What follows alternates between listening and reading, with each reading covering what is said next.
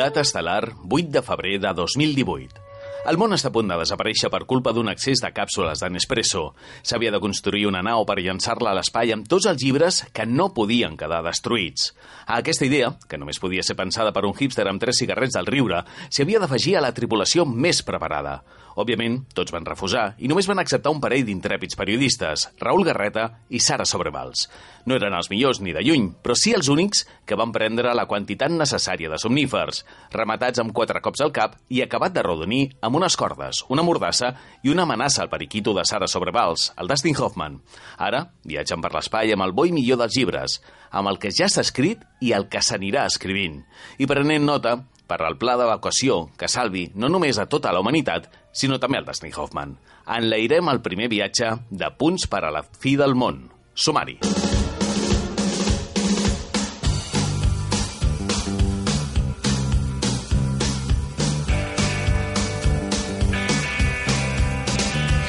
Primer sumari bé carregat de temes. Per començar, recordarem la BC Negra en dues vessants. Parlem amb el guanyador del Premi Pepe Caraballo, Caraballo James Elroy, i ja que toquem el tema del gènere negre, que millor que dedicar un espai al detectiu més famós de tots els temps, Sherlock Holmes. I com parlem de Holmes, la seva antítesi era el doctor Moriarty, i aquest és el nick que fa servir el padrí del programa i primer convidat, en Marc Pastor, l'autor de La mala dona, Bioko o L'any de la plaga.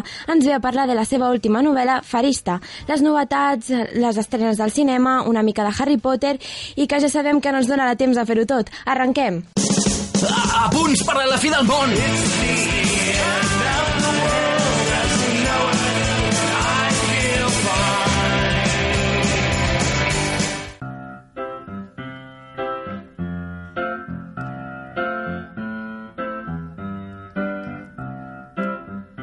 I'm a new soul. I came to this strange world I could learn a bit about how to give and take.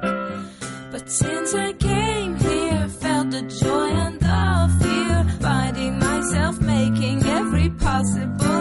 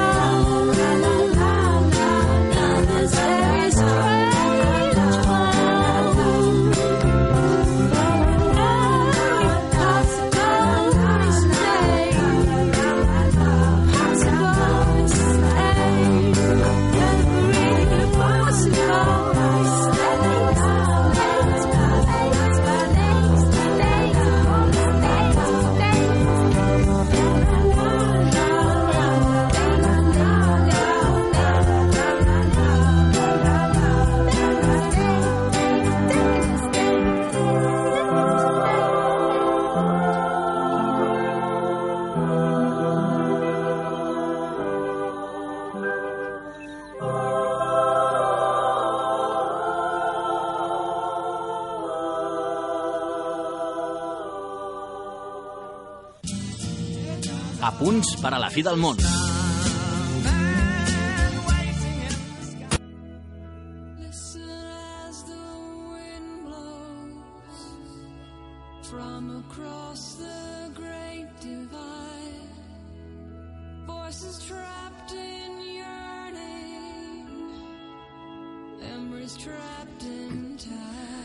Estat una notícia més, una d'aquelles històries sensacionalistes per les quals les famílies senceres exclamen davant del televisor «Quin horror!». Com és algú capaç de cometre una salvatjada com aquesta? Quantes hores passam mirant la tele i que poques vegades això ens canvia la vida? Llavors ens salta un nom. És un nom conegut, esmentat per la presentadora amb un to massa neutre, que no es cau al que està dient.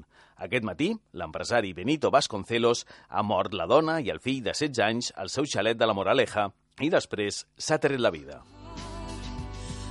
Així comença el llibre que ha obtingut el tercer Premi Anagrama de novel·la Les possessions i que ens permet posar-li el casc de la nau dels apunts a la seva autora, la Llucia Ramis. Llucia, bona tarda. Hola, bona tarda.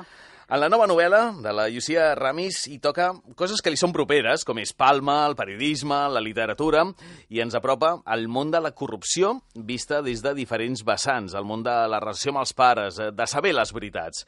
Però abans d'entrar en el llibre, hi tenim una frase de, de Santiago Rossinyol on diu «Els qui busquen la veritat mereixen el càstig de trobar-la». I això hi té molt a veure amb el que ens parla la novel·la, no? Una mica sí. Jo crec que ningú vol saber la veritat, en realitat. ni dins les famílies, ni, ni moltes vegades eh, en tot l'aspecte del món, no? Perquè saber la veritat te fa responsable d'aquesta veritat i no estem preparats per això. Eh, La veritat en tots els aspectes, la familiar, la dels fets, de tot. Sí, sí, la periodística també. També, també, oi? Sí, sí. Es viu, es viu molt, molt més còmode amb la ignorància, no? Estem més còmodes perquè, clar, és a dir, la ignorància no saps com estan fetes les coses, no saps què s'amaga, no saps les trampes, i a més a més, bueno, eh, tu et creus el que et diuen, defenses allò en què creus, i t'estimes més això, defensar els teus, la teva gent, les teves idees, les teves polítiques, que no pas admetre uns fets que moltes vegades eh, contradiuran aquestes coses que tu defenses, no? Uh -huh. O que les desmentiran, sí. Les possessions ens ve presentada eh, una mica enganyosa, eh? perquè ens ve presentada com un relat de fantasmes. Entre el títol i aquesta primera fase de la, de frase de la contraportada ens pot portar a pensar que estem en una novel·la fantàstica. No, fantàstica no, però jo crec que sí que és una novel·la de fantasmes en el sentit que tots arrossegam els fantasmes de les nostres famílies, les pors, aquelles que mai no es parlen, no? que, que estan com a aquells temes familiars que mai no s'esmenten i que es van com a fent grans. Uh -huh. La corrupció mateixa, jo crec que és un tipus de fantasma de la nostra societat, no? que és allà però ningú no en parla, sinó és per parlar de, això, de grans empresaris o grans o grans polítics, però no, no de- d'aquell dia a dia que, que, que la corrupció està tot arreu, no? des de la persona que ens intenta treure unes terres per fer una urbanització fins al soci que intenta doncs, eh, aprofitar-se de l'empresa per fer la seva pròpia, el seu propi negoci. No? És a dir, que jo crec que la, la, la, corrupció ja forma part de la nostra vida, de la nostra socie- societat, com a mínim aquí, a- al Mediterrani, i, i, bueno, i, i s'ha de mantenir en secret, no, no, no, és a dir, serveix per, per quatre notícies a la televisió de tant en tant, però no, no, no, no, se'n parla prou com per, per acabar amb ella, no? que hauríem de, de liquidar-lo d'una vegada, però ja és sistèmica, ja forma part del sistema. I a més, a, a la paraula possessions tampoc hem de passar amb l'exorcista, sinó que hem de buscar-li el, el sentit més mallorquí de, de la paraula, no? Sí, les cases, les masies, les finques, són possessions a Mallorca, que jo crec que és eh, molt interessant per, per entendre també aquesta cosa que ens passa als, mallorquins, no? que quan abandonem Sarroqueta sempre l'enyoram i tenim la sensació que han perdut un trosset d'aquella illa que ens pertanyia. No? I al final una de les reflexions que faig és a qui, pertany, a qui pertanyem i què ens pertany a nosaltres. Les cases de qui són? De les persones que les van comprar, de les persones que hi viuen o de les persones que tenen tots els records allà ficats, no? una vegada que ja no pots tornar en aquella casa perquè l'han venuda o te l'han treta eh, o perquè l'herència ha fet que sigui per una altra persona, moltes vegades et, deixa, et quedes com una mica desemparat. I les possessions seria aquesta possessió de la casa, aquesta possessió de l'illa, però també aquesta possessió del passat, no? perquè al final el passat de cadascun és només seu, eh, la teva infantesa només és teva i de ningú més, no? Uh -huh. I no poder tornar en aquest passat moltes vegades eh, doncs ens fa l'efecte que ens falta alguna cosa i que no sabem molt bé d'on som, no? I, I no podem tornar, no? La, la narradora de les possessions retorna a la seva palma natal per afrontar la demència d'un pare que batalla contra un presumpte delicte urbanístic que li pot fer perdre la casa. La gòtica situació familiar revocarà a una sinistra genealogia quan, anys enrere, un exsoci del seu avi, assidu a la, a la cultura del pelotazo i assetjar per la, per la ruïna va assassinar la seva dona i el seu fill i després es va suïcidar. Mm. Ets bastant crítica amb la teva generació. Dius... Soc crítica. Sí, oi? Sí, soc crítica, però no, no faig denúncies, és a dir, um, jo crec que som el que hem heredat, és veritat, és a dir, quan diuen les, les herències no, rebudes, és veritat, som els silencis de les nostres famílies, som el silenci també, és, és veritat, però després eh, la meva generació, els que van néixer en la transició, que també som els que van néixer amb la corrupció, de qualque manera, crec que, bueno, ens hem eh, acostumat, o sigui, creiem que ens mereixem tot el que tenim, però no lluitant per conservar-ho, no? És a dir, eh, hi ha hagut unes generacions anteriors que han lluitat per aconseguir les llibertats que nosaltres tenim, per aconseguir una democràcia, per estar en la situació en què ens trobam, i ara diem eh, com és possible que ara tinguem menys drets que, que a l'època dels nostres pares. Bé, la resposta està en nosaltres mateixos, no hem fet res per conservar aquells drets, no hem lluitat per conservar-los, per, per, per, per mantenir-los, no? I una mica això, doncs, eh, ho intento transmetre, no?, amb aquesta idea de la casa, que s'han de desfer de la casa, l'han de vendre, i llavors la filla li diu a la mare, però mamà, com pots vendre casa nostra? Això és casa nostra, no, no, no ho pots vendre, no? I la mare li diu, molt bé, filla meva, tornaràs a Mallorca per fer-te encàrrec perquè les cases no es cuiden soles, has de cuidar-la, no? Mm. I ella diu, home, no, jo em quedaré a Barcelona, què, què dius? Nosaltres una mica som com aquelles persones que ho volen tot fet, saps? Però que després no, vull dir, no, no, no, es- no ens hi esforçam gaire, i tinc aquesta sensació. Eh, Ens ho deies eh, amb aquesta frase, tota la vida se'ns ha dit que som fills de la transició, que havíem nascut amb la llibertat, que faríem grans coses, però i si en realitat som fills de la corrupció i aquesta llibertat teòrica fos la nostra condemna? Clar, és que és això, no? Quan es diuen sigues lliure, fes el que tu vulguis, eh, fes, eh, has de fer les coses, eh, les teves passions, les teves... Molt bé, d'acord, però sense diners això com s'aconsegueix, no? Mhm. I els fills dels progres a mi m'han educat com perquè els diners estan mal vistos, no? no? Vull dir, la gent que, la gent que té moltes ganes de tenir diners te n'has de malfiar perquè segurament són tèrbols. I llavors dius, molt bé, fantàstic, però quan jo he acabat la carrera i he estudiat la cosa que jo volia estudiar, que és periodisme, i m'encanta escriure, i he viatjat molt i sé molts idiomes i tot el que tu vulguis, se suposa que jo ara hauria de triomfar, no? Perquè Se- Se'ns amaguen els pros, no? Els, els peròs de les coses. sí, sí. No? Que, que t'ho pinten el molt verd, però hi han coses enmig que, que t'ho Sí, impediran sí. una mica. Clar, no, home, ja després, quan t'incorpores al món laboral veus que no és com t'havien pintat. Per res. Cada vegada, cada vegada és més complicat ser periodista, no? Llavors Mhm. és com, bueno... I, I en part, jo crec que, vull dir, sempre donem la culpa als pares o sempre donem la culpa a l'herència rebuda, i en part és veritat, però també mm, forma part de la nostra responsabilitat de no, de no haver estat a l'altura, jo crec. A les possessions parles de corrupció i ho parles des de, des, des de tres perspectives. bueno, d'aquesta corrupció de, de la ur- urbanística, de la corrupció aquesta del pelotazo del 1993, que és quan va passar aquesta història de, de, del soci de l'avi de la narradora que mata la seva família uh -huh. i se suïcida. Llavors es va dir que s'acabava la era del pelotazo. Esto ha puesto fin a la era del pelotazo. I dius, sí, any 1993. Mm. Dius, bueno, quasi, quasi que començava, no?, en comptes d'acabar. I la tercera seria la corrupció periodística, que jo crec que cada vegada és més palesa. bueno, no sé si és més palesa, però sempre hi ha estat. I el problema és que tampoc no, no fem res per, per resoldre-la. Tot han estat floretes amb, amb aquest llibre. Tot. De veritat, no, no he pogut llegir cap crítica negativa en lloc. Mira que l'he buscada, eh? De moment no. Tot arribarà, suposo. I eh, això, això fa que, que s'infli un? No, no, No? no, no, no, no, no, en el meu cas no. Una altra persona pot ser sí, eh? Jo, jo sóc una persona molt, eh, molt insegura que sempre intenta fer- fer-ho millor que el llibre anterior i llavors eh, ara estic com encara molt tensa, una mica nerviosa. Ha estat un, un llibre que, que és veritat que m'ha costat molt fer perquè eh, parlo de coses que m'atoquen molt, molt directament i llavors sempre fa por publicar, no? Dius, bueno, a veure que, quina serà la rebuda, a veure com ho llegirà la gent, a veure que... I no, no, està agradant i estic supercontenta i superfeliç, però no, això no fa que, que... Jo, com a mínim, jo no m'estic inflant de cap manera, sinó penso, hòstia, la pròxima vegada que, que hauré de fer, no? Te, te, te les llegeixes totes? Totes. Les de, les de fans, blogs i... també? Eh, bueno, eh, sí, sí, clar. Vull Mhm. dir, tot el que m'arriba, sí. El que passa és que intentes que no t'afecti, però, però sempre afecten, no? Vull dir, eh, sí, no, no- vaig, no vaig a fer o surfing com feia en, en, en la primera i la segona novel·la, que sí que... Que et buscaves a Google, no? Sí, sí, sí, ara ja no ho faig perquè em fa una mica de por, saps? I, i, i bueno, si m'arriben, doncs sí, ho llegeixo, si no, no vaig a buscar-ho. I, i conec que em fa molta, molta por, vull dir, jo sóc una persona que no, no ho passi gens bé, vull, eh, semblo com a molt oberta i això, i en realitat sóc molt tímida, i llavors aquesta exposició és el que menys m'agrada de tot. O sigui, m'agradaria molt que el llibre hi fos, que existís, però que ningú sabés que l'he escrit jo, que jo sóc jo, saps? En una entrevista per VilaWeb vas dir el que ens agrada escriure i llegir crec que tenim alguna mena de mancança, perquè si no... Per què, si no? Perquè busquem eh, això que ens falta en una cosa tan fora com de la realitat com és un llibre. Mm. Uh, aquesta, aquesta és la contradicció, jo crec, no? És a dir, eh, la, la contradicció és que si escric és perquè m'acosta expressar-me de cap altra manera, no? uh -huh. Llavors, eh, necessito escriure per poder expressar els meus sentiments, els meus pensaments, les meves reflexions, etc. no? Perquè no ho sé fer, m'acosta molt perquè, per aquesta timidesa que dic. Llavors, I perquè estàs buscant alguna cosa que creus que et falta, però no sabria de, de dir-te exactament què és. És una espècie com d'incapacitat per sentir de cap altra manera que no sigui, que no sigui per escrit. I t'han tornat a penjar l'etiqueta d'autobiografia.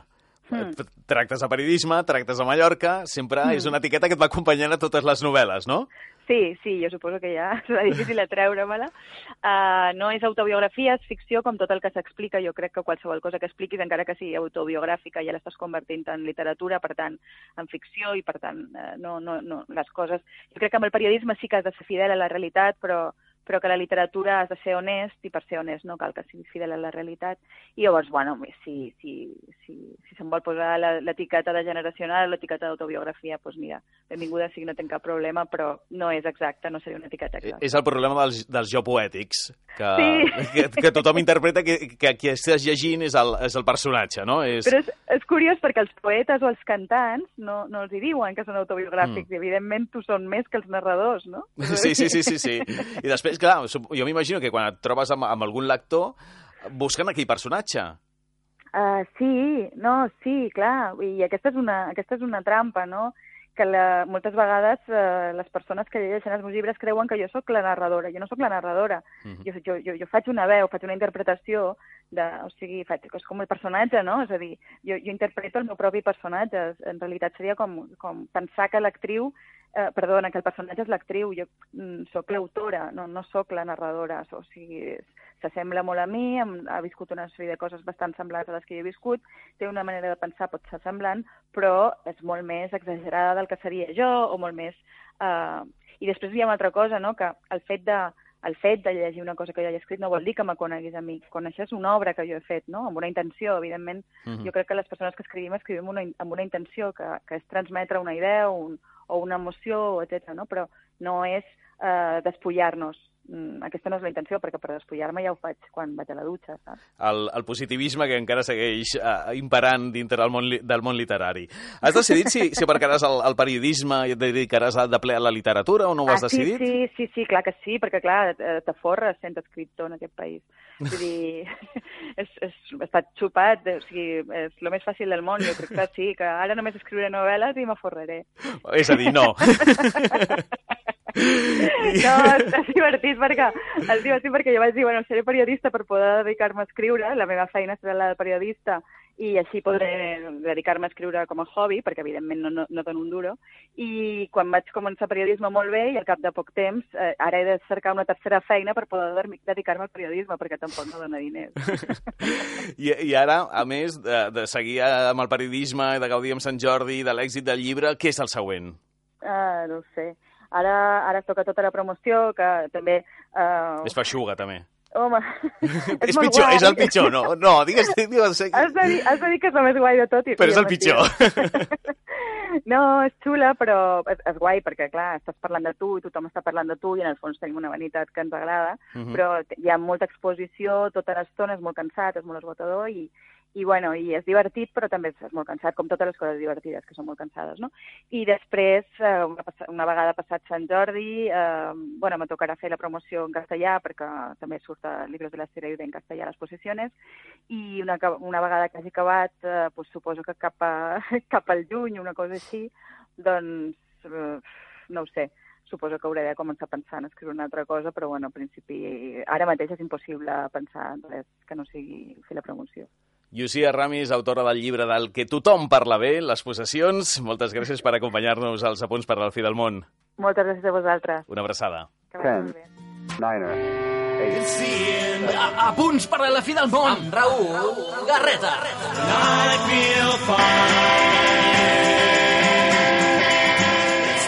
Three. Two. One. Zero. Zero. Zero. Zero. fuera tan fácil como simplemente a la hora de tener que grabar una de estas videopromociones pagadas para el Facebook, simplemente eh, que no, no se necesitara nada más que decir la información, lo que se quiere anunciar, que, que decirlo, que decir lo que he dicho, ojalá fuera siempre así, es decir, que, que simplemente lo que se esperara, lo necesario fuera eh, di, di cuándo será, eh, dónde, en Madrid, tal, 2 de marzo, y punto. Y envía el vídeo y, y mándalo y ya está. Ojalá, es que mí... La primera vegada que vaig escoltar el convidat que tenim ara a la nau dels apunts va ser el Problemes Domèstics de Manuel Fuentes, on el nostre convidat tenia una secció que plantejava eh, la pregunta qui és aquest paio amb aquest humor tan estrany? I així la curiositat et porta a descobrir el nostre autor d'avui, nascut a les Palmes, humorista, dibuixant, cantant, escriptor, autor de set llibres, odia les etiquetes, així ja les hem fet servir totes, Hervir un oso, ultraviolència, la muerte de Pillallo, i l'últim que ens dona pistes de que estem en un any parell perquè Miguel Noguera ha tret un nou llibre. Clon de Can, Miguel Noguera, bona tarda. Hola, què tal? Bona tarda. I això de treure llibres als anys parells? No, no, un, eh, fins ara treia cada any i, i ha estat amb aquest llibre que he tret um, anys parells perquè no... Bueno, porque se me ha hecho bola el libro, o sea, ha sido bastante pesado hacerlo. El llibre, formalment, ja està, ja està més cuidat que els altres, eh? Paper més bo, més gran, i una etiqueta Sí. que devalua la resta, perquè diu, por fin un buen libro de Miguel Sí. Noguera. Sí, això és cosa de l'editor que... És una broma que ha fet el Jan. O sigui, bueno, ell ho pensa també, que com que és cosa de l'editor, lo del paper, el tamany, eh, invertir més diners, fer-lo una mica més, bonic. O sigui, jo sempre faig el mateix, però el tema és el format que li dona l'editorial per vendre més o menys ja és cosa d'ells. Llavors, ell realment ho ha posat perquè ho pensa, que és por fin un buen libro, los otros me parecían feos. Los anteriores porque no tenía tiempo de ocuparme de a mejorar la edición y el papel y tal. En fin. Com et cuida el, el, el sector llibreter? Et busques a les llibreries? A, a quina secció et posen? Uh, no, ara darrerament, des dels, bueno, des del tercer llibre, que ja era, havia molta més imatge, molt més dibuix, ho fiquen a, a còmic. Normalment està tipus còmic, aquests llibres d'il·lustració, còmic. Mhm. eh, però bé, o sigui, a mi em col·loquen bé per l'editorial que tinc. O sigui, vull dir, els col·loquen bé a ells en general. Funciona normalment. Eh, com sorgeixen la, les idees, les històries, les vinyetes de, del llibre? Sí, Com sorgeixen? Bueno, això, això ho vaig apuntant a un document Word que jo tinc a l'ordinador, eh, el tinc des del 2013. Concretament aquest darrer, que té com 600 i pico pàgines, Uh -huh. vaig apuntant eh, coses que veig pel carrer normalment, o a casa meva, o a la televisió, o... i són coses que no...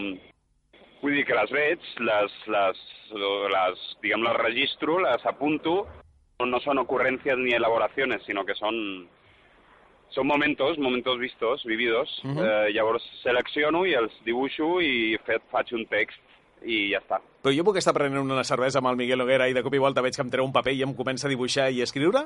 Mm, No és, sí, bueno, més o menys. No, Sí? sí? no és tan literario, però pot, pot passar que tu diguis alguna cosa i, o que fem alguna broma, o que passi alguna cosa, o que hi hagi alguna cosa a la taula mateixa, o que passe algo con el cambio, eh, que quede anotado y luego aparezca en un libro o en un espectáculo. Sí, això pot passar perfectament, sí. Mhm. I parlant d'això mateix, quan et ve una idea, mm, penses aquesta millor per llibre, o aquesta millor per espectacle, o aquesta és un dos per uno i Sí. em serveix més per tot. Eh, O sigui, eh, ara no, no entès, la, la pregunta és si, si jo després faig una classificació per, Sí, exacte. en funció dels continguts. Sí, sí, és exactament així. O sigui, faig intuïtivament, vull dir, hi ha continguts que jo que no necessiten, per exemple, una imatge, i llavors penso, bueno, això ho puc explicar eh, oralment sense eh, recolzar-me en, en imatges. Llavors, normalment, i si és una cosa fàcil de comunicar o que jo intueixo que pot funcionar al teatre, la guardo o la assenyalo per, per explicar o intentar-la a l'ultrashow. I, I si veig que és per lli pel llibre, hi ha diferents com categories o hi ha com una jerarquia de, per, yo qué sé, esto va para dibujo más elaborado, esto va para texto solo, esto va para... Sí, això eh, bàsicament és classificar un material que en, en si mateix no és ni, mitjor, ni millor ni pitjor, sinó que expositivament dona per un, per un mitjà o l'altre. M'agrada que deixis arrodonir la, la xifra de, de vinyetes o d'idees. A la contraportada diu que hi ha 87.628, un arrodoniment, no? Bueno, el tema, el tema va ser que el, el Jan li, de, de Blacky Books li feia pal contar-les. Jo li vaig dir, da igual, no, o sea, no cuentes las que hay en el libro porque ya es... O sea, poner en la contra cuántas hay, por poner algo en la contra, pon ponemos cualquier una cifra que claramente sea exagerada, como desorbitada, y ya está. Y, y, será gracioso y no tenemos que contar las que hay en el libro, porque a mí me da igual, ¿sabes? I ell va, i ell va ah, sí, sí, perfecto, perfecto, así ya no lo quitamos de encima.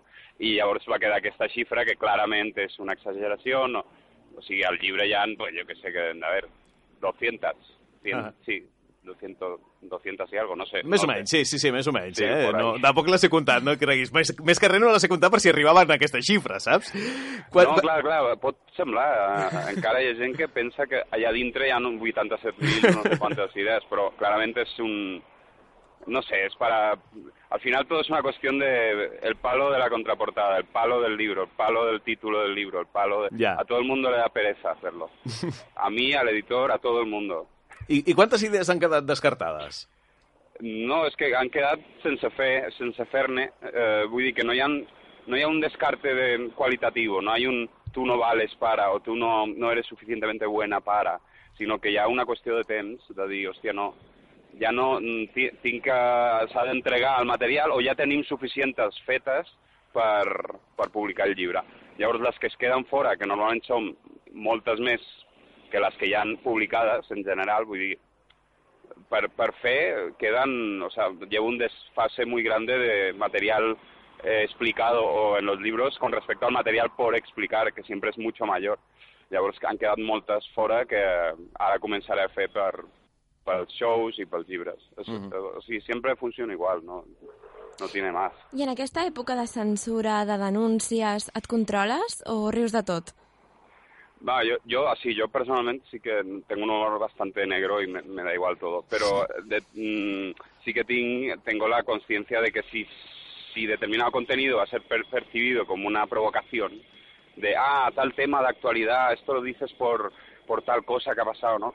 Llavors, si, si, si aquesta percepció com provocació eclipsa o, o diguem que eh, amaga la intenció primària, que per, per mi sempre és una qüestió formal, d'algun algun tipus de qüestió com medio poètica o paradògica, llavors no la explico, perquè no, no m'interessa a mi el tema este de l'actualitat i provocar i... O sea, de natural no tengo moral, digamos, pero, pero cuando tengo que comunicar algo me molesta mucho que se lea, que se me lea como un polemista o como alguien que busca, ¿sabes? O sea, yo no, yo no tengo problema en, en decir burradas, pero no es mi objetivo, ¿sabes? No, no es lo que me interesa a mí estéticamente. Clon de Can és un recull d'idees boges, idees visionàries de Miguel Noguera, la pistola amb comandament a distància, capellans que agafen creus de formes no ortodoxes, les hèlices d'un vaixell al lateral per poder mirar les cascades que òbviament fallen. Jo li he trobat a faltar una, eh, si em deixes eh, dir-te'n -huh. una, és eh, l'entrevista universal. Eh? Vagis al programa que vagis, sigui qui siguis, Trump, Sánchez Dragó, M. Rajoy o Nacho Vidal, a tots els hi pregunta el mateix. Eh? Mm -hmm. Per fer la prova, hem trobat el model ideal en una entrevista a Mario Casas, de la revista Superpop, si et sembla. Ah, Miguel, fem la prova? Venga, venga, vamos. Eh, ¿Eso lo hacéis a todo el mundo? No, no, tu ets la primera ah, víctima ah, d'aquesta vale, calamitat. Molt bé. Miguel, estàs pa mojar pan. T'ho diem clarament, perquè és veritat. Quina és per tu la part més sexy del teu cos? Ah, molt bé. Eh, la part més sexy, eh, pues mira, te voy, a, te voy a contestar sinceramente. Los labios están bien, solos, aisladamente. Sense res més, no? ¿Qué te parece? A nosaltres ens agrada senterito. I quin seria el teu gest, el teu gest més picant? el meu gest més picat... Uh, hòstia, això ja és més difícil, perquè no tinc... Clar, un gest picant... Per exemple, tots aquests moviments com, com eh, copulatoris de la, ¿sabes? De moure... Yo, no, yo tengo un bloque ahí muy que no se mueve bien, no sé... ¿Sabes? Este, este movimiento de, de dislocar un poco la cadera, no dislocarla, pero Sí, movilizar la cadera independientemente del cuerpo, como muchos hombres yo no lo tengo, yo solo, yo me muevo de una forma mm, en bloque. Y ahora ese movimiento que, es, que bien hecho es, es muy bonito, tanto en, en hombres como en mujeres, yo no lo tengo, ¿sabes? Mhm. Y no tengo otro para sustituirlo. Uh, Digue'ns alguna floreta graciosa que t'hagin deixat anar últimament. Ah, hostia, que una floreta graciosa. No sé, eh, m'han dit que... No sé. Ni els Que- labios. que te- no, a ver, es que buscaba algún piropo o algo, algo, o algo negativo o algo bueno. Ah, yo sé, eh, sí que m'han dit así realmente. Que tengo... Ah, bueno, me han dicho, no se te va un poco el ojo izquierdo. No, no has notado que te dicen en la oculista, por eso llevo gafas, que a veces el ojo izquierdo se te va. Y yo, bueno, alguna vez puede ser que me hayan comentado. Y últimamente, ahora ya el entorno se da cuenta de que tengo un poco de estrabismo en un ojo. Com a floreta no està malament, eh? I quins piropillos dius tu? Yo, hostia, tam- també es un tema difícil para mí dir piropos, ¿eh? En general. Sí? Ah, no, no suelo decir, claro. Es que también, o sea, me, me- me pillas ahí, eh, no sé. Eh, al Mario Bueno, Casas va con- en el libro, por ejemplo, me, cago en las bragas de la Virgen puta. Tomarlo por el lado que no es. Has No de- es un piropo en absoluto, ¿no? Me Has de cago en que- bragas de la Virgen puta, ¿qué te parece? Em El sembla que has pujat al nivell del Mario Casas en aquesta entrevista, eh? Una mica. No sé, no sé què va dir ahir, No, no. Mario Casas. No, no et pensis masses, masses floretes, tampoc, allò que sortin de, de l'òrbita. Eh, Miguel Noguera, preparat pel Sant Jordi? Sí, eh, encara queda una mica... Sí, és, Va, un meset, un dia no? intens, és un dia intens. Vinga, Tinc doncs... que comprar rotuladors. Sí, no? Rotuladors que va més ràpid, firmar. Aquí, al costat de qui Rotulador. t'agradaria signar? Hòstia, jo de vegades m'ha tocat... Tal... És, és guai això, eh? Perquè et pot tocar qualcú que no té res a veure amb tu, però ja com... Yo qué sé, hay como una, un morbo ahí de, ay, mira, estoy al lado de tal persona, Mm. y yo qué sé, al- algún, algún ser así muy Sánchez Dragó, algún, ¿sabes? Este tipo de seres como que no son de, de, tu, de tu mundo. Mhm. Llavors sí, m'agradaria, yo qué sé, eh, Iker Jiménez. No sé si tiene, no presenta libro, pero Iker Jiménez. Algo así, alguna cosa de estas fuera de, fuera de órbita. Perfecte. Miguel Noguera, autor de Clon de Can, molta merda, molta sort, a, molta merda a l'espectacle i, Sí, molt, sí, sí. i, i molta sort a la presentació de, del Molt llibre. bé. Bueno, gràcies a vosaltres. Gràcies, t'acompanyem a l'escotilla. Que vagi bé.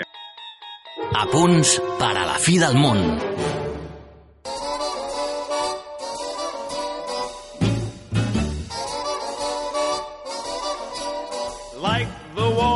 Wallpaper sticks to the wall. Like the seashore clings to the sea. Like Per començar aquesta entrevista estàvem pensant si posar la música de La Fuerza del Destino de, de Mecano per la semblança amb el títol del llibre del que anem a parlar, però estem convençuts que el que millor li encaixaria és una de les cançons de Sinatra. La força d'un destí, que dit a columna, ens explica la vida de Jean León, per molts un desconegut, per molts una marca d'una ampolla de vi, però explicar la vida de Jean León és com explicar la vida del Hollywood clàssic. Martí Gironell ens torna a fer viatjar en el temps, però en aquesta ocasió no tan lluny, i fugint de la novel·la històrica ens presenta una novel·la biogràfica. Martí Gironell, bona tarda. Què tal? Bona tarda, Raül. Com vas arribar al personatge i a interessar-te per, per, per aquest personatge, per en Jean León? Doncs mira, precisament pel que deies tu, per la història que hi havia darrere aquesta marca.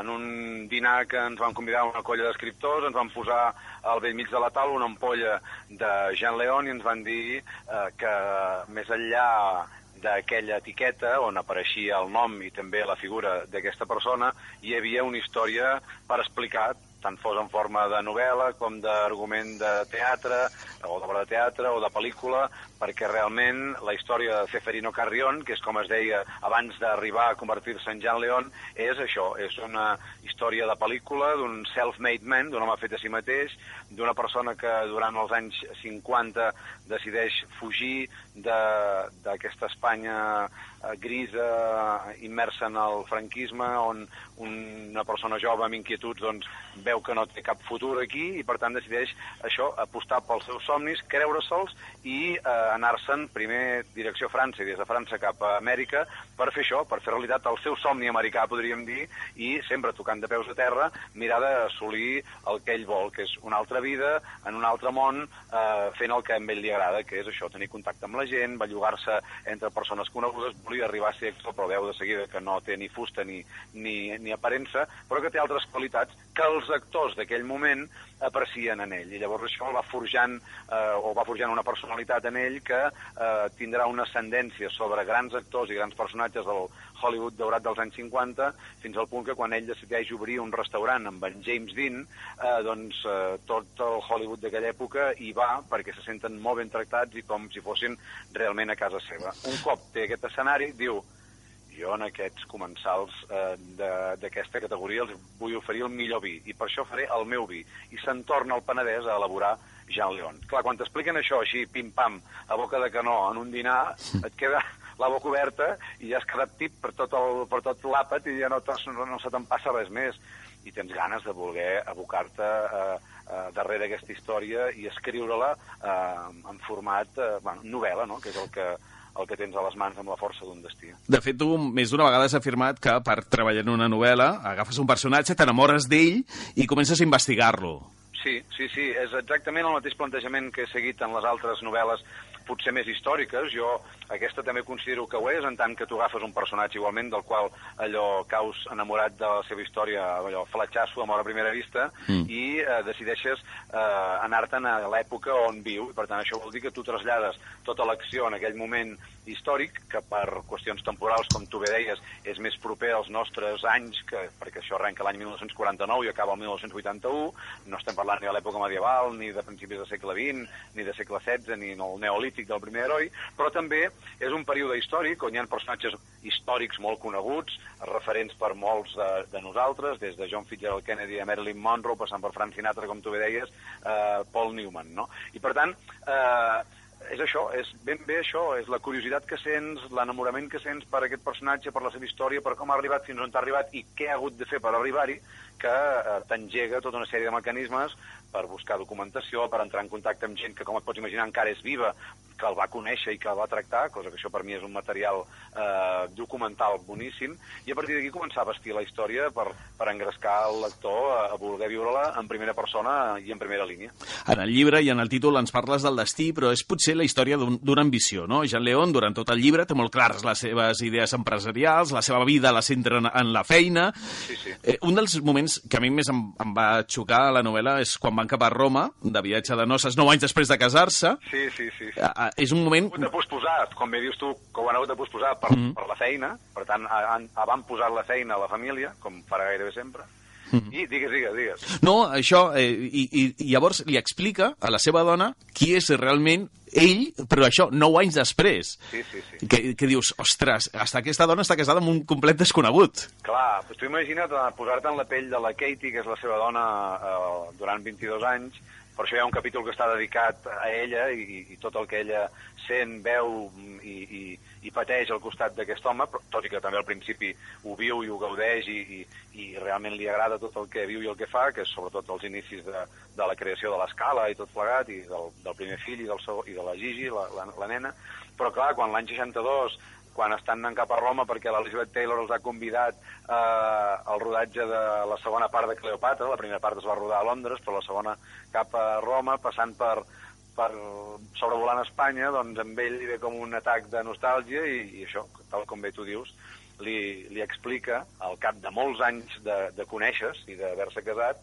que ell realment té una família a Espanya, té un passat a Espanya, té una família a Barcelona, eh, vaja, i clar, és que... I tu hi has parlat amb la, amb la família. No, no, evidentment, quan li... Quan I, I com et parlen d'ell? Home, la, la família, eh, jo amb qui he tingut més contactes amb la seva germana, amb la Chiqui, amb l'Anna, que surt a la novel·la, que és amb qui sempre va tenir més, més confidències i més connexió. Eh, ella, evidentment, tenia el seu germà en un pedestal, tot i que li va criticar molt que eh, desapareixés i no donés senyals de vida. No? Fins i tot la seva mare eh, feia dir una missa cada any pensant-se que era mort el seu fill. Això no surt a, a la novel·la així dit d'aquesta manera, però eh, ella ho diu, no? Dius que, clar, et donaven per mort, no havies donat senyals de vida. Eh, ja està bé, li fot un escàndol i, i, i, i li estira les orelles, però clar, llavors i ella m'ho diu, jo sempre l'he admirat perquè trobo que en aquella època fer el que va fer i aconseguir el que va aconseguir té molt mèrit, evidentment que va haver de pagar molts peatges, el més car és això, el sacrifici de la família, tant la, la família de Barcelona com la família que va crear a Los Angeles, no? la dona i els fills, però jo recordo que quan vaig haver escrit bona part de la novel·la i li vaig passar a l'Anna, li vaig dir, tu el veus aquí en Fefe? Tu el veus, en Jan? Em va dir, sí, sí, diu, és, que és com si el tingués aquí, és com si el, senti, com si el sentís parlar, no? Clar, quan eh, una persona així, que l'ha viscut tan de prop, eh, et diu que és com si el veiés, doncs eh, tu això... T'infla. Eh, sí, i et dona confiança per continuar endavant, no? Mhm. També he pogut parlar amb el seu fill, que el seu fill, malgrat que viu a Tailàndia, eh, viatja sovint a Europa i, i para bastant per aquí a Barcelona i, i l'he conegut i ens hem pogut parlar.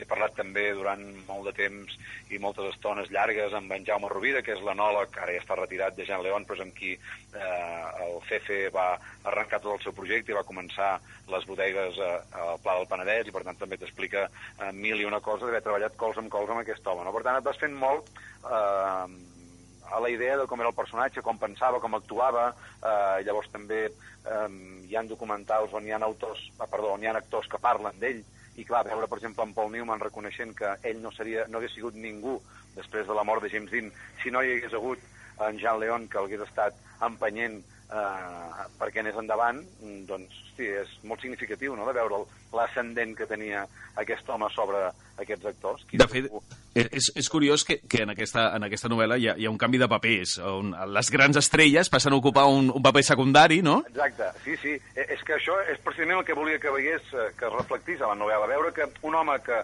eh, volia ser un actor i que al final veu que no té cap possibilitat de ser-ho, el que acaba convertint-se és en el director d'aquestes grans estrelles de la seva vida quotidiana, diguéssim, no? Perquè li venen a demanar consell, és gairebé com un pare confessor, l'escala es converteix com en un búnquer i un confessionari per aquesta gent, eh, li tenen molt de respecte, eh, i això m'ho explicava la seva germana, diu, quan en, en Jan ens explicava, en Febe ens explicava aquestes coses, no ens el creiem, però quan ens havia convidat alguna vegada al restaurant a l'escala i veiem com aquestes estrelles, aquestes celebrities, eh, l'adoraven gairebé i tenien un tracte amb ell reverencial, dèiem, hòstia, però què els hi dona el meu germà, no?, a aquestes Mhm. persones que, que realment tothom admiren i resulta que elles són les que admiren amb ell. Bé, doncs és això, no?, Aquestes, aquesta, saber escoltar, saber saber-se posar en la pell dels altres, eh, això, les estrelles li van saber tornar eh, anant doncs, totes al seu restaurant, i d'aquí que l'escala fos un referent mític durant aquells anys 50 i 60, no?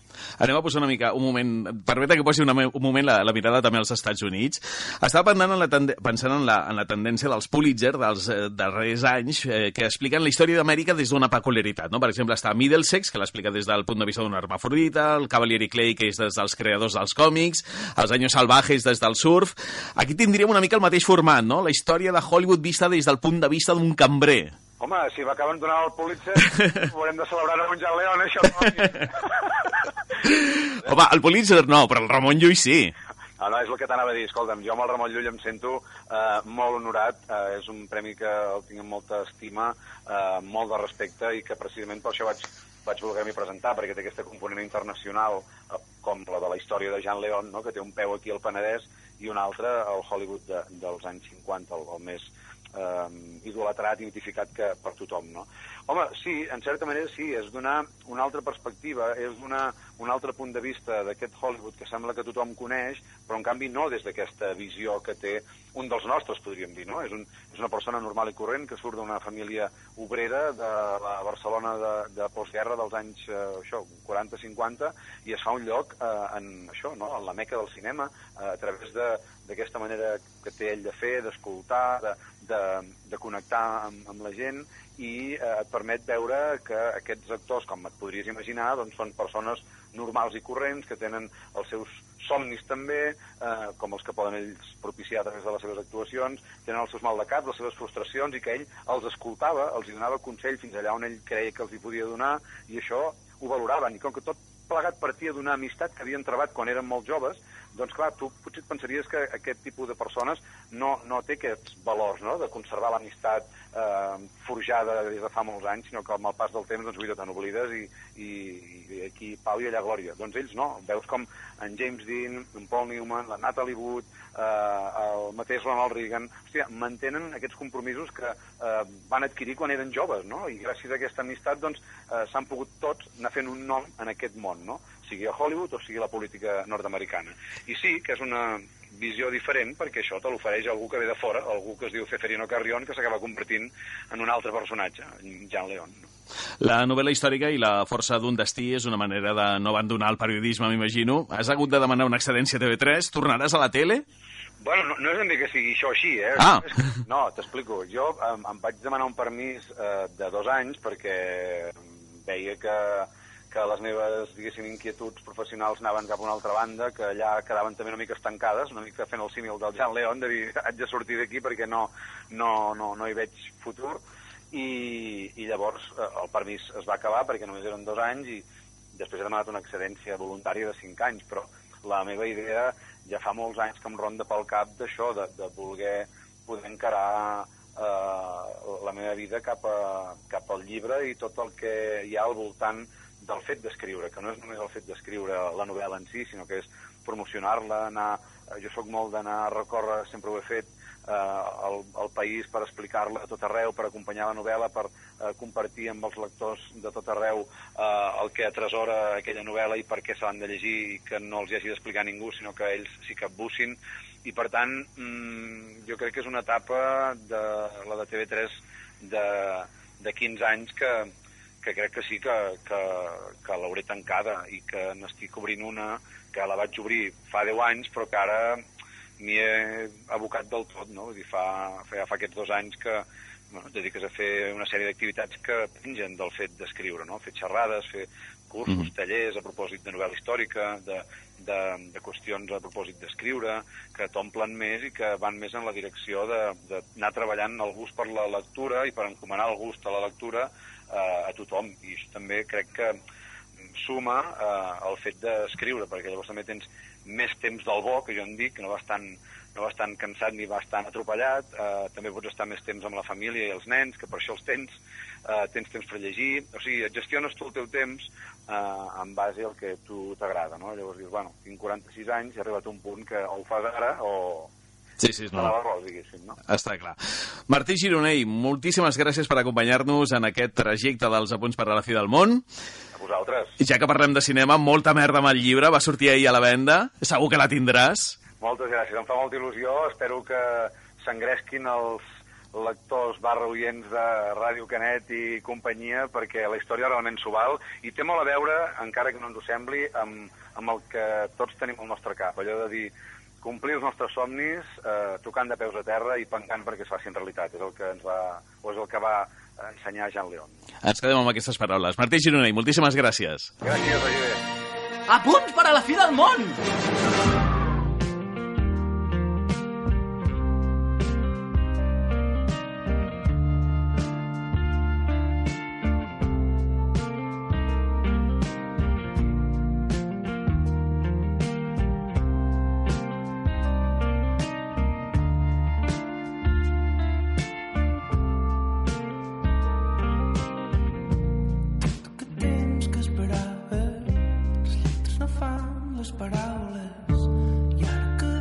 És Sant Jordi i l'assassí encara dorm. Tota una declaració d'intencions per començar un llibre, un llibre que gairebé compleix les tres normes clàssiques d'espai, temps i acció. L'espai és el centre de Barcelona, molt ben delimitat per les parades de llibres i flors, encara que tenim un punt de partida al llibre al, en el millor barri del món. El temps també la compleix, tot passa en un sol dia. I a l'acció hi fallem una mica, perquè passen mil coses. Espai publicitari disponible per futures emissions del programa. Poques vegades el llibre de Sant Jordi ja estava pronosticat amb tanta claredat. És a dir, el títol mateix ja és una declaració d'intencions. Màrius Serra, autor de la novel·la de Sant Jordi, autor de la novel·la de Sant Jordi. Bona tarda i benvingut a la nau dels apunts per la fi del món. Molt bona tarda. Mentre deixem que en Màrius es vagi posant el cas, que en fem quatre ratlles per aquell senyor de Comarruga que viu en un quart primera i que no sap qui és en Màrius Serra.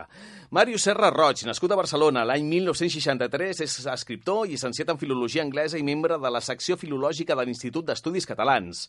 Viu al millor barri del món, com ja hem dit, i, va compartir, i, i vam compartir col·le, eh, vam anar al mateix a la Cients d'Horta, Uau. Eh, també ha escrit eh, que li han donat altres premis al Ciutat de Barcelona, el Serra d'Or, el Lletra d'Or, el Ramon Llull, col·labora a La Vanguardia, TV3, Catalunya Ràdio i encara té temps per escriure i atendre els mitjans, encara que això també és part del joc d'escriure. No? Sí, i tant, i tant. Màrius. Avui en dia ja, és com el tercer temps del rugby, això. La, la novel·la de Sant Jordi la novel·la de Sant Jordi, la teva, és un joc, no? Sí, hi ha, hi ha una, una voluntat clara de fer un joc literari, un joc de miralls, eh, i agafant com a vehicle una novel·la negra, eh, o sigui, el gènere de novel·la negra, hi ha una novel·la dins de la novel·la que acaba sent la novel·la de Sant Jordi. Uh -huh. uh, qui t'estima te- et farà patir. Uh, tu, Sant Jordi, t'agrada, en realitat. Sí, és una declaració d'amor, eh, però justament allò que estimem és allò que coneixem més i, per tant, també és allò que estem més capacitats per eh, criticar o per eh, parodiar, no? De manera que jo fa més de 30 anys que em documento per escriure aquest llibre, tot i que en, sense saber-ho, no? Però mm. vaig sortir per primera vegada a signar llibres al Sant Jordi de l'any 88 i ha plogut una mica. És realment tan important ser qui més ven a Sant Jordi? Vull dir, ningú recorda qui ho va ser l'any passat i, de fet, no ens en recordem ni una setmana després. No és important. No, no ho és gens, de fet. Aquesta és una de les claus de la, de la crítica de fons que té la novel·la, perquè el tractament d'aquests últims anys, això no passava tant abans, s'ha anat sofisticant, és un tractament de llistes, no?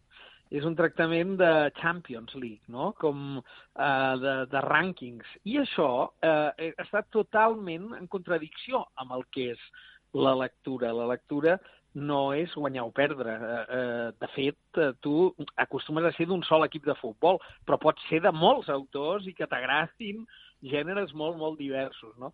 Per això, al darrere d'aquesta mena d'afany competitiu que, que està fomentat des de totes les perspectives, des de la producció, des de, des del món editorial, també els propis autors que ens acabem creient que hem de sortir allà com qui fa una cursa, però sobretot pels mitjans de comunicació que l'endemà ho tracten com si allò fos una llista del consum global dels llibres, quan en realitat la llista famosa que surten dels més venuts representen, almenys en dades de l'any passat, perquè me'n vaig ocupar de demanar-les al Gremi de Llibreters, i els 20 llibres més venuts al Sant Jordi del 2017, 10 en català i 10 en castellà, representaven menys del 7% dels llibres venuts aquell dia. No? Per tant, fins i tot des d'un punt de vista informatiu, té un tractament que no és proporcional. Uh -huh. Mm. Per tu, uh, la, la novel·la, més que una crítica al Sant Jordi en si, és una crítica a la indústria. Sí, és una mirada crítica i alhora des del coneixement, des de la complicitat, des de formar-ne part, des de l'autocrítica també, que per alguna cosa acabo parodiant l'autoficció i hi ha un personatge a la novel·la que es diu Mario Serra i que fa una novel·la que es diu Eleusis per Sant Jordi, eh, eh, en la qual hi ha crims i d'aquí ve una mica el joc de miralls. Aquesta mirada general és una mirada crítica com no pot ser altrament. I és una suma de factors el que ha fet que des d'aquests, com a mínim, aquests darrers 30 anys que jo he viscut en primera persona, la festa ha anat eh, agafant volada en el centre de Barcelona, val a dir-ho, fins al punt d'esdevenir gairebé una fira, no? Una fira, un congrés d'aquests eh, de, ja, de mobile, com una final de Champions, una mica. Mm. Uh, la qual cosa no és, uh, diguem, dolent per si mateix. Senzillament uh, és un fet, un brou de, de, que, on es cultiven uns quants vicis i unes quantes contradiccions, la major de les quals és que es publiquen llibres que no estan fets per ser llegits. I això és com si fabriquéssim pilotes que no estiguessin fetes per rodar ni per ser jugades, no? Mm. És una, una mica contradictori. Doncs d'això n'hi ha un munt. Hi ha molts llibres que, són, eh, que estan concebuts, fets per vés a saber qui, i eh, vull dir, un professional, un periodista, un negre editorial escrits i concebuts per ser autògraf. És a dir, per eh, que la gent busqui una persona molt coneguda i li demani un llibre com li demana un selfie. Oriol Comas és el personatge principal de, de la novel·la. A la vida real és un amic teu de fa molts anys. Eh, no sé si va néixer al millor barri del món o i vols que sigui al principi d'una llarga amistat literària, no? Vols eh, sí. fer diversos sí. llibres amb, amb l'Oriol com a protagonista. Sí, sí, de fet, eh, bé, l'Oriol només té un defecte i és que no ha nascut a Horta. Uh, aquest és, aquest és l'únic problema que té. Que és gran, eh? És gran, eh, per això. I tant, i tant. Nosaltres ens vam conèixer fa, fa molt de temps, hem col·laborat, som amics de fa molts anys i hem fet eh, eh, jocs. Diguem, ell és un gran expert en jocs i comissari de fires eh, nacionals i internacionals, com per exemple el DAU de Barcelona, Um, I nosaltres vam arribar a fer, uns, hem fet uns quants jocs de taula, uh, jo uh, de, de caire lingüístic, jo portant una mica el, el coneixement lingüístic i ell el coneixement del, del mecanisme de joc. Llavors, el que se'm va acudir l'any 2015 va ser proposar-li de fer una cosa conjuntament que no constava que existís gaire o que, o que s'hagués fet mai, que és proposar-li que fos personatge d'una novel·la negra, en principi una, però amb voluntat de, com deies, de, de que pugui ser doncs una petita sèrie, no sé de quan, però la voluntat és que hi hagi continuïtat eh, amb més històries. No? Mm. Però aquesta proposta eh, té unes condicions molt clares i és que nosaltres treballem conjuntament, les novel·les les escric jo, però les pensem conjuntament, ell les va llegint, i jo tinc un gran luxe, que és que quan tu t'inventes un personatge en una novel·la, es, busques que sigui versemblant, eh, busques que, que reaccioni d'una manera o una altra i estàs en tot moment pensant què faria aquest. Que... Jo, en el seu cas, és molt més fàcil, el truco i quedem per dinar i li pregunto. Eh, és a dir, que el personatge realment és la seva biografia amb les diguem, ell té dret al vet de, de, del, que, del que consideri oportú de la seva persona, però és ben bé eh, el Oriol Comas i Coma de la novel·la és un expert en jocs que acaba resolent, en aquest cas, la sèrie de crims eh, que, que formen part de la trama de la novel·la de Sant Jordi i que en un futur podria doncs, ser com el Carballo eh, com el meu Carballo, en certa mesura. Mm -hmm. És un exemple de mimesi eh, a la grega total, eh? Aquesta. Sí. T'has trobat amb, amb algun dels personatges la, en la seva versió real després del llibre? La Mònica Terribas i l'Oriol Comas a banda, està clar. Eh, sí. com, com són pres? Bé, bé, no, home, l'Oriol ja, ja ho sabia perquè en forma part, diguem, com et deia, era coautor. Uh, hi ha, en el llibre hi ha diversos graus d'identificació. És a dir, d'una banda hi ha cameos, podríem dir-ne, com el de la Mònica de Ribes, com el del Jordi Basté, o el dels Oscars, o el dels serveis informatius de Catalunya Ràdio, etc, que hi formen part, diguem, de l'entramat perquè són els mitjans eh, capdavanters en un dia de Sant Jordi. No? Després hi ha mm, altres que la gent podrà intuir o descobrir qui són i eh, en el cas de tots els autors que comencen a morir en la novel·la, diguem, eh, doncs no, no, no tenen nom real de nom i cognom per raons gairebé jurídiques, et podria dir. Mm -hmm. Però es pot eh, intuir quin perfil d'autor hi ha al darrere. I després també hi ha algunes aclocades d'ull, algunes més gamberres que d'altres, amb amics, coneguts i saludats, perquè com que hi ha el joc de miralls dins de la novel·la, eh, la novel·la que escriu el Màrius Serra de dins, eh, ell fa que els poetes eh, que juguen a l'Eleusis i van matant autors matin a Ildefonso Falcones, Carlos Ruiz Zafón i Pilar Rahola. Li has dit a la, a la Rahola que l'has matat? No, no, perquè no. no. És que no és... Clar, clar, això seria el titular, diguem, no? Però no... Es pot matisar, es pot matisar. Jo crec que la Pilar Rahola va ser la meva primera editora mm. i tenim una bona relació, més enllà que, que pugui doncs, mosquejar-se o no, que no es mosquejarà, perquè a més com et dic, està en un segon nivell i, i així és com una clocada d'ull més que altra cosa. La novel·la de Sant Jordi, Màrius Serra, gràcies per acompanyar-nos una estona a la nau. Records al barri? Molt bé, de part meva. Aquí sempre disposats. Horta és un barri obert a tot el món i, per tant, també al Maresme. Moltíssimes gràcies. Marxem amb l'amagada primavera de Charango, que a més fa molt de Sant Jordi, si et sembla. Molt bé. Havíem quedat a quarts de quatre a la plaça Felip Neri, on els carrers hi aboquen l'encanteri. Asseguda a la font, sota l'ombra dels arbres, ja m'esperaves amb un vestit de flors que avui pels carrers de Barcelona he vist maldestres traficants canviar llibres per roses de tant en tant